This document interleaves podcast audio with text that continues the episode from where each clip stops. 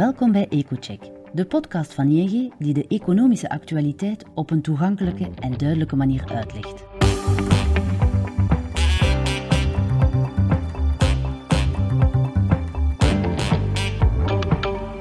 Om de twee weken buigen onze economen zich over de meest besproken gebeurtenis en analyseren zij de economische en financiële gevolgen voor u of uw onderneming. Vandaag is uw gastheer Wouter Thierry, econoom bij ING.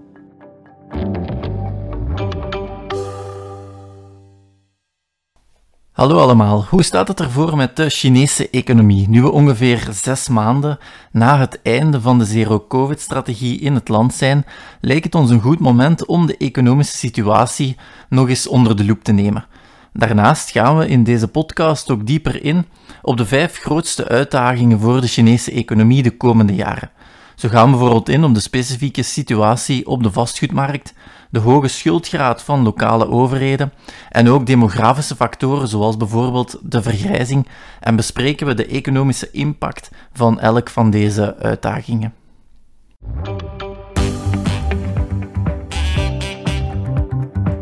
We luisteren naar de analyse van Wouter. Op 2 mei daalden de aandelen van Estée Lauder, een cosmetica-groep, met bijna 20% op één dag nadat het bedrijf zijn omzetverwachtingen had bijgesteld. Het bedrijf wees op een veel volatieler en geleidelijker herstel in Azië, vooral China, dan ze eerder hadden ingecalculeerd.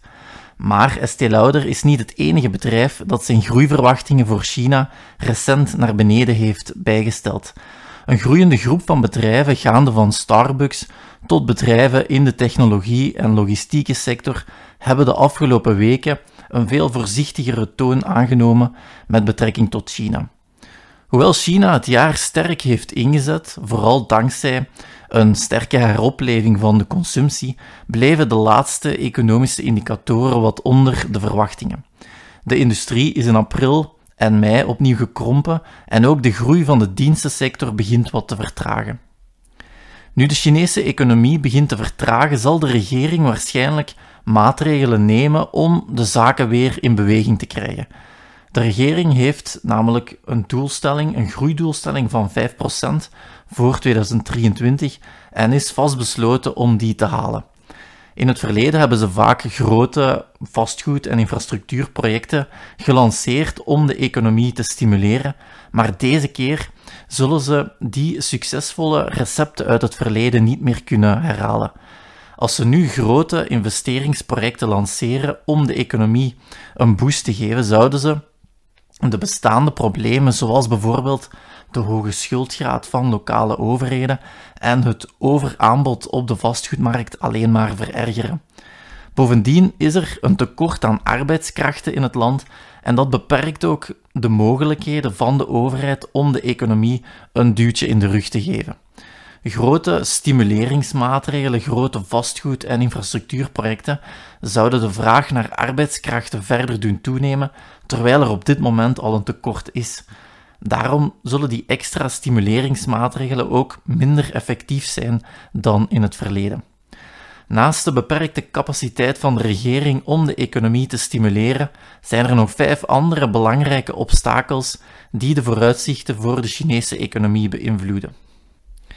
Een groot probleem in China is de hoge jeugdwerkloosheid. In april bereikte de werkloosheid onder jongeren van 16 tot 24 jaar zelfs een piek van 20,4 procent. Maar als we anderzijds kijken naar de bredere arbeidsmarkt, ziet het plaatje er helemaal anders uit. Op de bredere arbeidsmarkt daalde de werkloosheid zelfs tot 5,2 procent. Dus we zien een groeiende kloof tussen de werkloosheidscijfers onder jongeren en de algemene bredere arbeidsmarkt, die nog altijd behoorlijk competitief en krap blijft. Voor de pandemie maakte de Chinese economie een snelle groei door en hadden veel afgestudeerden weinig problemen om een eerste baan te vinden. De situatie vandaag is helemaal anders.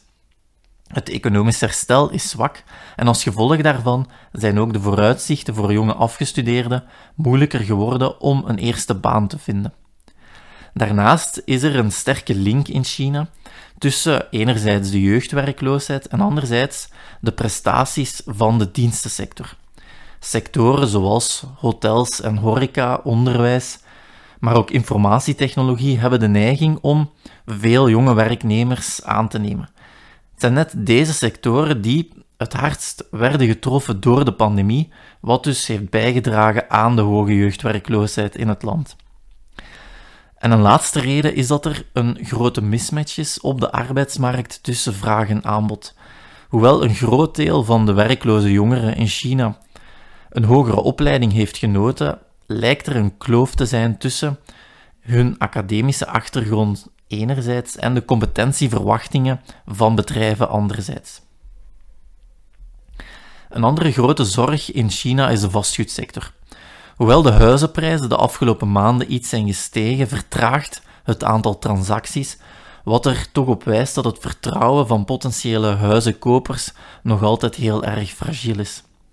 Een sterk en breed herstel in de vastgoed- en bouwsector lijkt op korte termijn dan ook vrij klein. Een van de redenen is dat er nog steeds heel veel onafgewerkte projecten zijn. Veel projecten zijn de afgelopen jaren stilgelegd vanwege tegenvallende verkoopcijfers of door financiële problemen van de ontwikkelaar. Dit overaanbod in de markt zal eerst weggewerkt moeten worden voordat er nieuwe projecten opgestart zullen worden.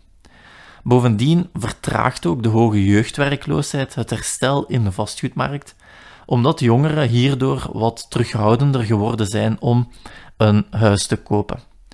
Het risico bestaat nu ook dat een zwak herstel op de vastgoedmarkt ook ja, een domino-effect zal hebben naar andere sectoren. De onzekere vooruitzichten op de vastgoedmarkt zullen wegen op het consumentenvertrouwen van Chinese gezinnen, waardoor ze ook op andere gebieden mogelijk minder zullen gaan uitgeven. Op die manier kunnen de problemen in de vastgoedsector ook gaan overslaan naar andere sectoren. Een andere grote uitdaging voor de Chinese economie zijn de geopolitieke spanningen, die de internationale handel heel sterk afremmen. Ondanks de heropening van de economie lag de Chinese export in mei 7,5% lager dan één jaar geleden. Chinese fabrikanten merken dat ze minder buitenlandse orders binnenkrijgen, waardoor ze hun productie moeten verlagen. Voornamelijk de vraag vanuit de Verenigde Staten en Europa is heel sterk teruggevallen. Beide economieën zijn erg verzwakt door de renteverhogingen van de centrale banken, waardoor er ook minder vraag is naar Chinese producten.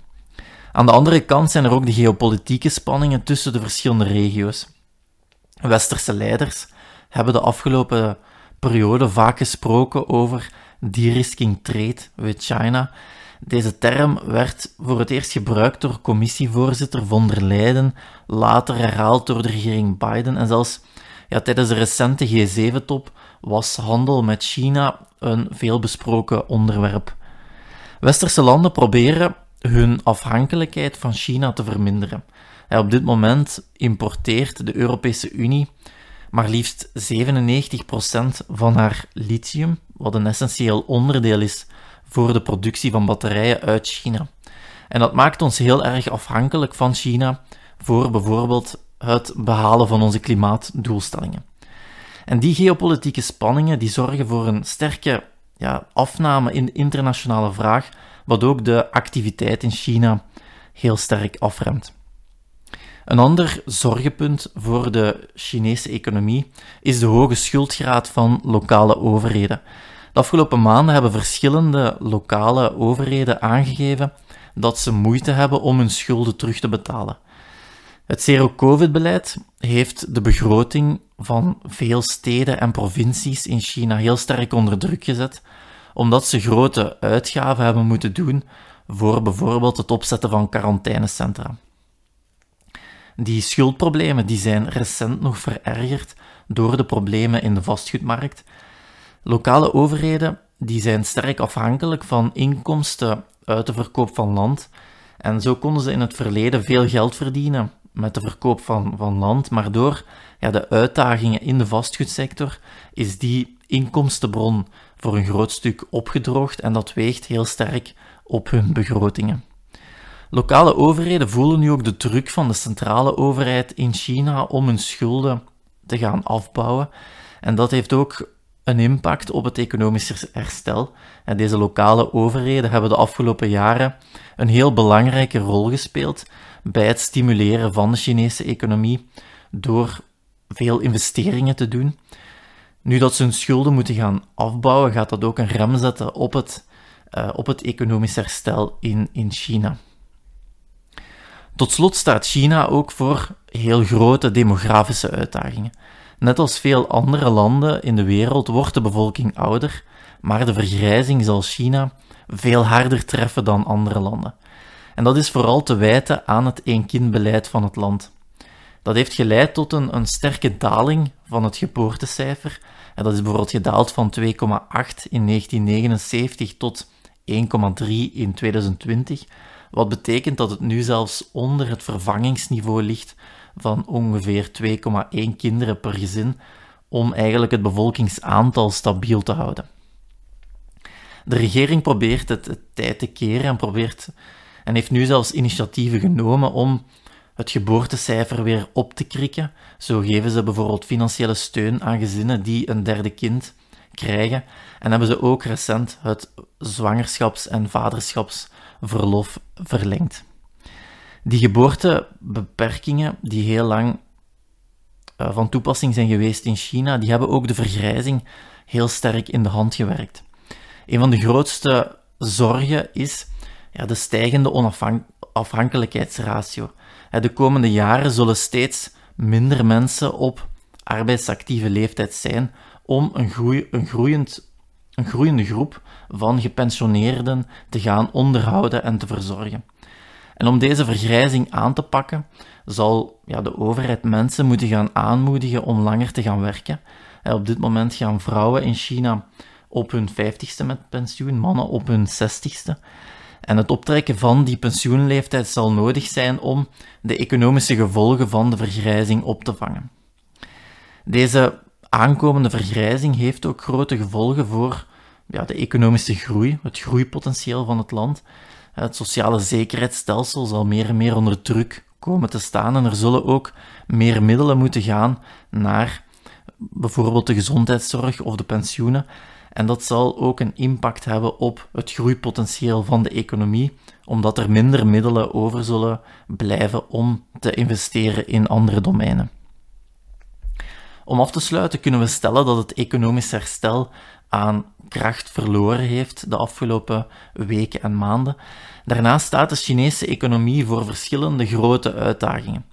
De hoge jeugdwerkloosheid, een worstelende vastgoedsector, hoge schuldgraad van lokale overheden en ook een sterk vergrijzende bevolking, die zullen wegen op het groeipotentieel van het land. China zal zijn groeimodel moeten gaan aanpassen. Het zal niet langer kunnen rekenen op massale investeringen in vastgoed, in infrastructuurprojecten om die economie aan te zwengelen, maar zal in de plaats daarvan moeten gaan investeren in andere domeinen, zoals bijvoorbeeld de gezondheidszorg en pensioenen, vanwege de aankomende vergrijzing. Bedankt voor het luisteren en tot een volgende aflevering van deze podcast. Zo, dit is het voor vandaag. Bedankt om te luisteren naar deze aflevering. Aarzel niet om onze EcoCheck podcast te volgen zodat u geen enkele aflevering hoeft te missen. Wilt u meer weten over economisch en financieel nieuws? Ga dan naar ing.be-mijn-nieuws en ontdek alle analyses van onze econoom.